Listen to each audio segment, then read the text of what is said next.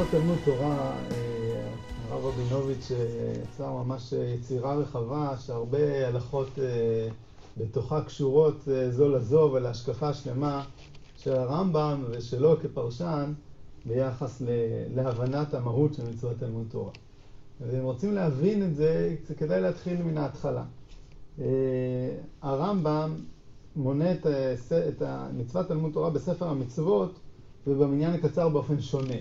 במניין הקצר, והרב עומד על זה בהקדמה שלו להלכות תלמוד תורה, הרמב"ם כותב ללמוד תורה וללמדה, שנאמר ושיננתם לבניך. כך נראה בפשטות צריך להגדיר את המצווה. אדם צריך ללמוד תורה וללמד אותה, כמו שמפורט לנו בחמש מקומות בערך במקרא, תלוי איך סופרים. לעומת זאת בספר המצוות, הרמב"ם הפך את הסדר, והוא כתב, המצווה ה-11 הוא הציווי שנצטווינו ללמד חוכמת התורה וללומדה.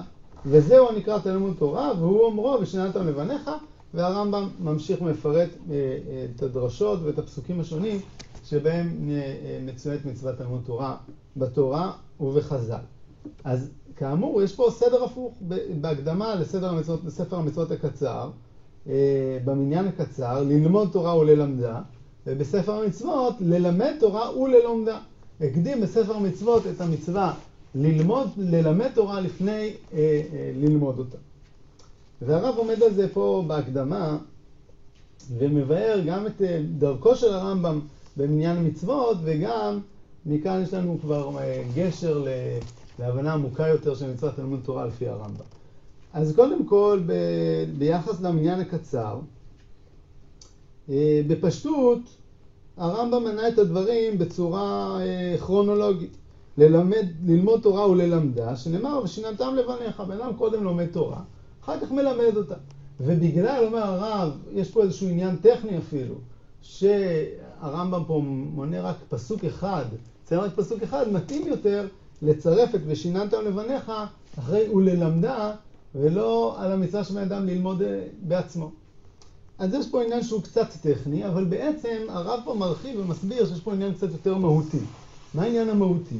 שהפסוק שמלמד אותנו על מצוות תלמוד תורה לעצמו, ולמדתם אותם ושמרתם לעשותם, אה, לכאורה ההקשר של הלימוד הוא המעשה. והייתי יכול לומר שכל עניינו של הלימוד הוא רק שבן אדם ידע איך לעשות, ואין ללימוד ערך בפני עצמו. ולכן המצווה באמת, אה, מקור המצווה המרכזי הוא ושיננתם לבניך. ושיננתם לבניך מורה שהמצווה היא ללמד את הבן, ושם ההקשר הוא לא הקשר של מעשה דווקא, וההבנה היא שצריך ללמד את הבן עוד קודם שהוא בכלל בר מצוות, כמו שאנחנו נראה תכף בהלכות, והמצווה היא ללמוד בלי קשר למעשה. ולכן עיקר המצווה היא בעצם ללמד. ועל כן בספר המצוות, שהרמב"ם באמת מונה את כל הפסוקים ואת כל המדרשים, הוא דואג דווקא לפתוח במצווה ללמד תורה וללומדה. הקדים את הללמד, ללמד על ערך הלימוד שהוא ערך עצמאי, ורק אחר כך ללמוד שהוא רק חיטינצי אה, בצורה מסוימת לקיום מצוות, או ללמד אחרים.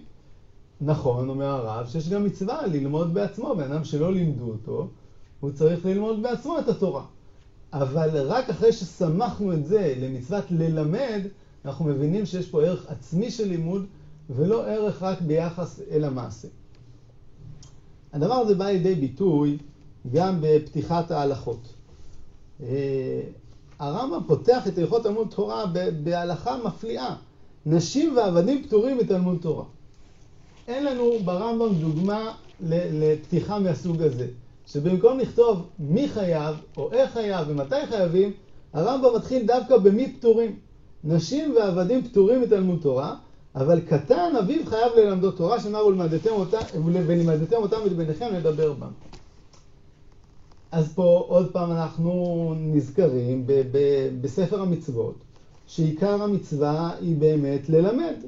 ובגלל שעיקר המצווה היא ללמד, היה צריך דווקא לפתוח בקטן, ושהוא שונה מנשים ועבדים, שלמרות שקטן פטור מכל המצוות האמורות בתורה, כמו ביחס לברית מילה שעושים בו את המצווה, גם במצוות לימוד תורה, האב חייב ללמד את הקטן תורה, למרות שהוא עצמו איננו מחויב בדבר. והרב אומר שבאמת הרמב"ם רצה לפתוח בנשים ועבדים פטורים מתלמוד תורה, כי בעצם עד כה בספר המדע, מתחילת בעצם המשנה תורה, כל המצוות היו מחויבות על כולם. וזאת המצווה הראשונה שיש בה פטור, ולכן פתח בפטור של נשים ועבדים. אבל נראה שיש פה עומק נוסף, שאומנם הרב לא מציין לו, אבל uh, בדרך עקיפה כן אני חושב משתמע מדבריו. הרב מפנה לגמרא מקידושין כ"ט עמוד ב', שם נלמד המקור, המקור של מצוות לימוד תורה, שהאב חייב ללמד את בנות תורה, והאישה הפטורה מלמדת בנות תורה, בנת תורה. אני שמעתי פעם ברב אברהם שפירא, הדברים חושב מאוד מתחברים, אה,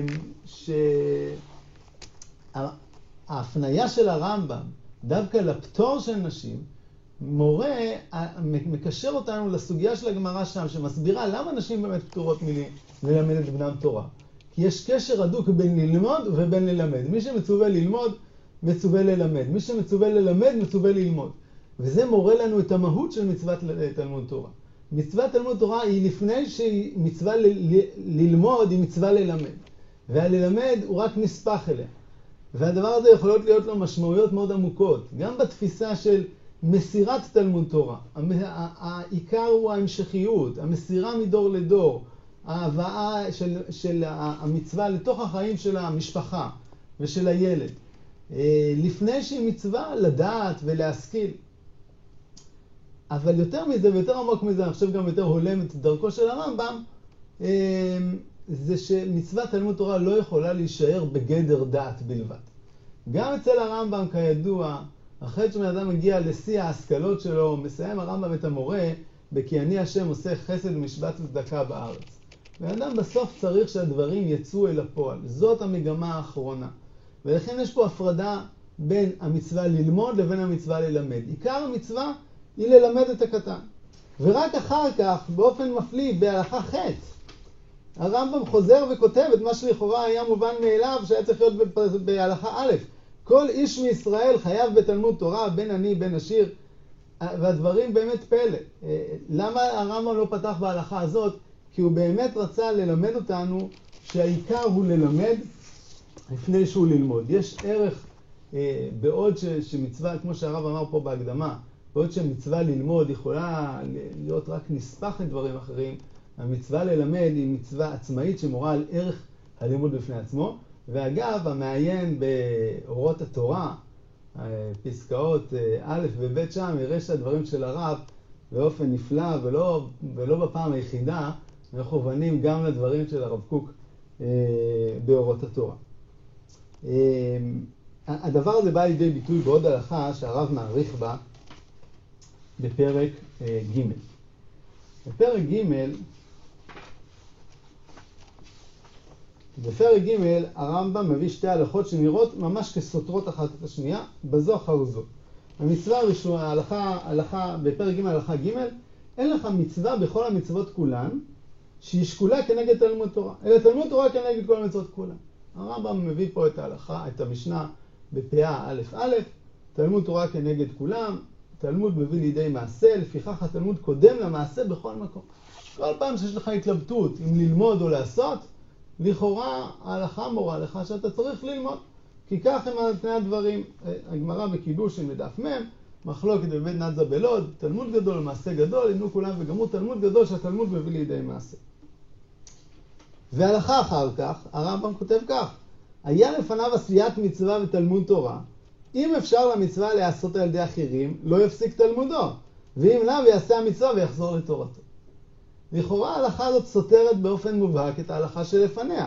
לפי ההלכה הזאת, ברגע שיש לנו איזשהו עימות בין קיום מצווה לבין תלמוד תורה, בן אדם צריך לעצור את תלמוד התורה שלו, אם זוהי מצווה עוברת, שאי אפשר לעשותה על ידי אחרים, הוא צריך להפסיק את תלמודו ולעשות את המצווה, נכון? אם יש מישהו אחר שיעשה, אז אין פה בעצם סתירה.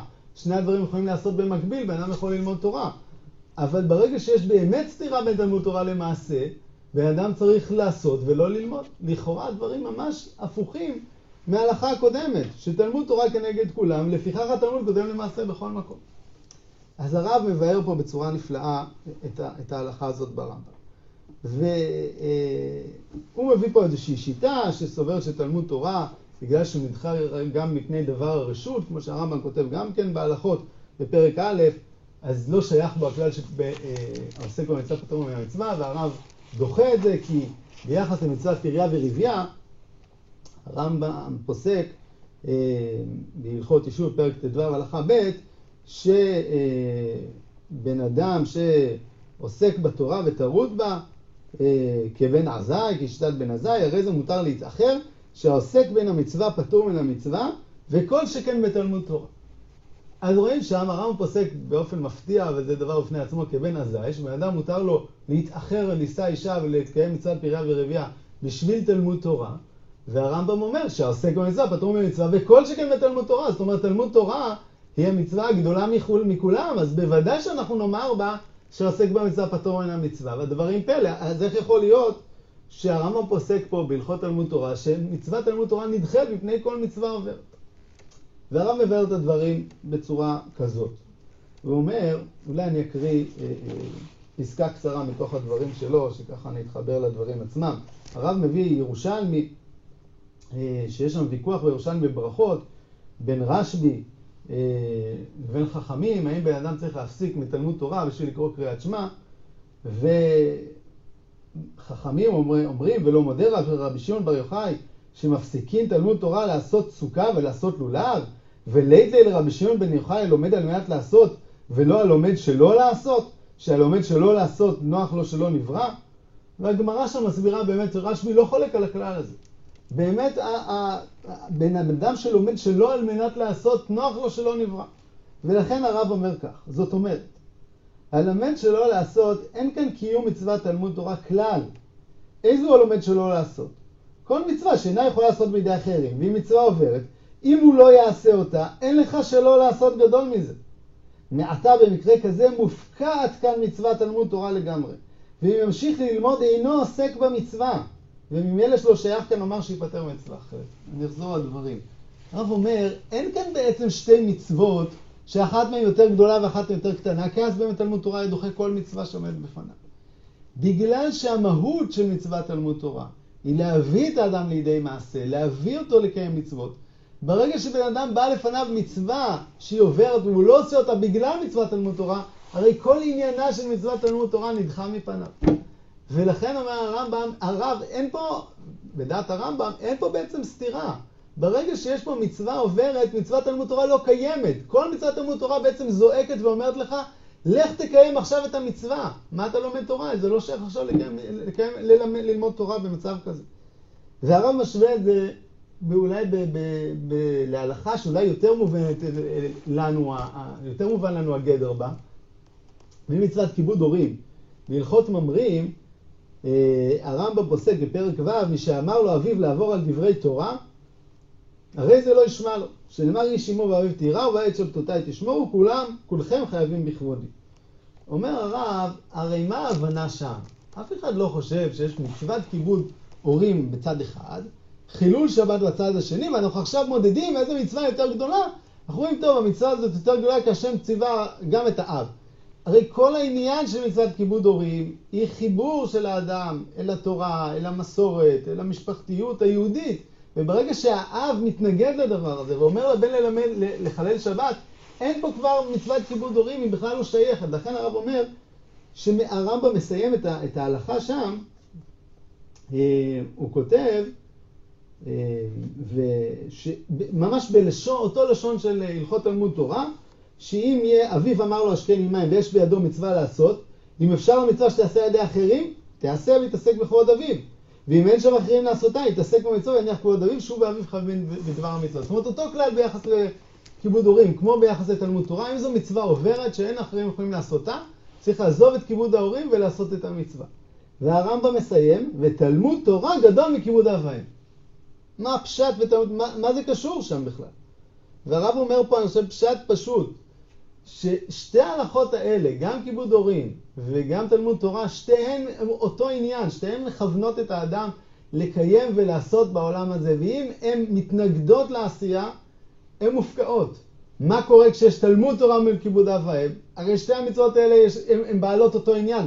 מי נדחה מפני מי? אומר הרמב"ם, תלמוד תורה, תלמוד תורה גדול מכיבוד אב ואם. זאת אומרת, ברגע שיש לי או כיבוד אב ואם או תלמוד תורה, ששניהם בעלות אותו מהות מכוונות את האדם למעשה, בן אדם צריך לעסוק בתלמוד תורה. ועל כן נסכם, הכלל שיוצא לנו פה מכמה מקורות בתוך הלכות תלמוד תורה וספר המצוות, כמו שהרב ביאר אותם, זה שמצוות תלמוד תורה אין עניינה שהיא תישאר אצל האדם בדעתו, במוחו. המהר"ל לומד על זה במסכת אבות, שיש הלומד על מנת ללמוד והלומד על מנת לעשות. אין הלומד על מנת לדעת. גם לדעת הרמב"ם, הלומד על מנת לדעת בלבד, ושהדעת תישאר אצלו, זה לא מצוות תלמוד תורה, זה דבר בעל ערך לדעת. אבל זה לא מצוות תלמוד תורה. מצוות תלמוד תורה היא גדולתה בזה שהיא מביאה ידי מעשה, כמו שלמדנו, אה, כמו שלימדו אותנו חז"ל במסכת קידושין. גדול תלמוד שמביא לידי מעשה, ובזה גדלותו. ואני חושב שהרב, אה, לא רק בפירושיו דחף אותנו ולימד אותנו את הדבר הזה, אלא גם בחייו עצמו. אנחנו יודעים שהיצירה המופלאה הזאת של יד פשוטה, שהיא באמת יחידה במינה בנוף של הדורות האחרונים ממש. הרב יכל להשלים את היצירה הזאת, זה אין ספק. אבל, אה, והיצירה הזאת גם לימדה תורה אחרים. אבל הרב, אני שמעתי את זה גם אה, אה, מפיו, שהוא ראה את מרכז עולמו בללמד תורה את התלמידים, להקים מעולה של תורה בארצות הברית ובבריטניה, ופה במעלה אדומים, ובא יחד עם זה וגם כתב את הפירוש שלו החשוב הזה, וחבל לנו שלא סיים אותו. אבל זה עצמו לקח גדול לנו. אני שמעתי דבר דומה גם על החזון איש, שהוא פעם אמר לרב חיים קנייבסקי, שהיה בצפת, הוא היה נופש בצפת, הוא כתב לו, אני מספיק פה בחודש אחד מה שאני מספיק בבני ברק במשך כל שאר השנה. אז רב חיים אמר לו, אז תבוא לפה לחודשיים. אז הוא אמר לו, אבל מי אמר שזה מה שהקדוש ברוך הוא רוצה, שאני אכתוב ספרים? אולי הוא רוצה שאני אהיה בבני ברק עם האנשים. ואנחנו מכירים, היה נסיים בסיפור, היותר מפורסם ביחס לרב רבינוביץ', שכשהוא היה בצ'רלסטון בארצות הברית, והוא לימד תלמידים אה, צעירים את האלף-בית, אמרו לו, תלמיד חכם כזה עוסק בללמד אה, תלמידים א'-ב', במקום לחדש חידושי תורה, אז הוא אמר בדרכו המיוחדת, שכשאתה מלמד א'-ב' לתלמידים, אתה יודע שאתה מלמד תורת אמת. כשאתה מפרש פירושים כאלה ואחרים, בעזרת השם אתה מכוון למשהו. א'-ב' ללמד לתלמידים זו תורת אמת, ותורת אמת יש בה כוח לעשות דברים עצומים וגדולים. אז הרב הקדיש את מרצו, אה, גם שלו וגם אותנו עודד, אה, לפנות וללמד ולעשות, וזאת מגמתה של מצוות תלמוד תורה, ויהי רצון שנזכה עליו בברכה.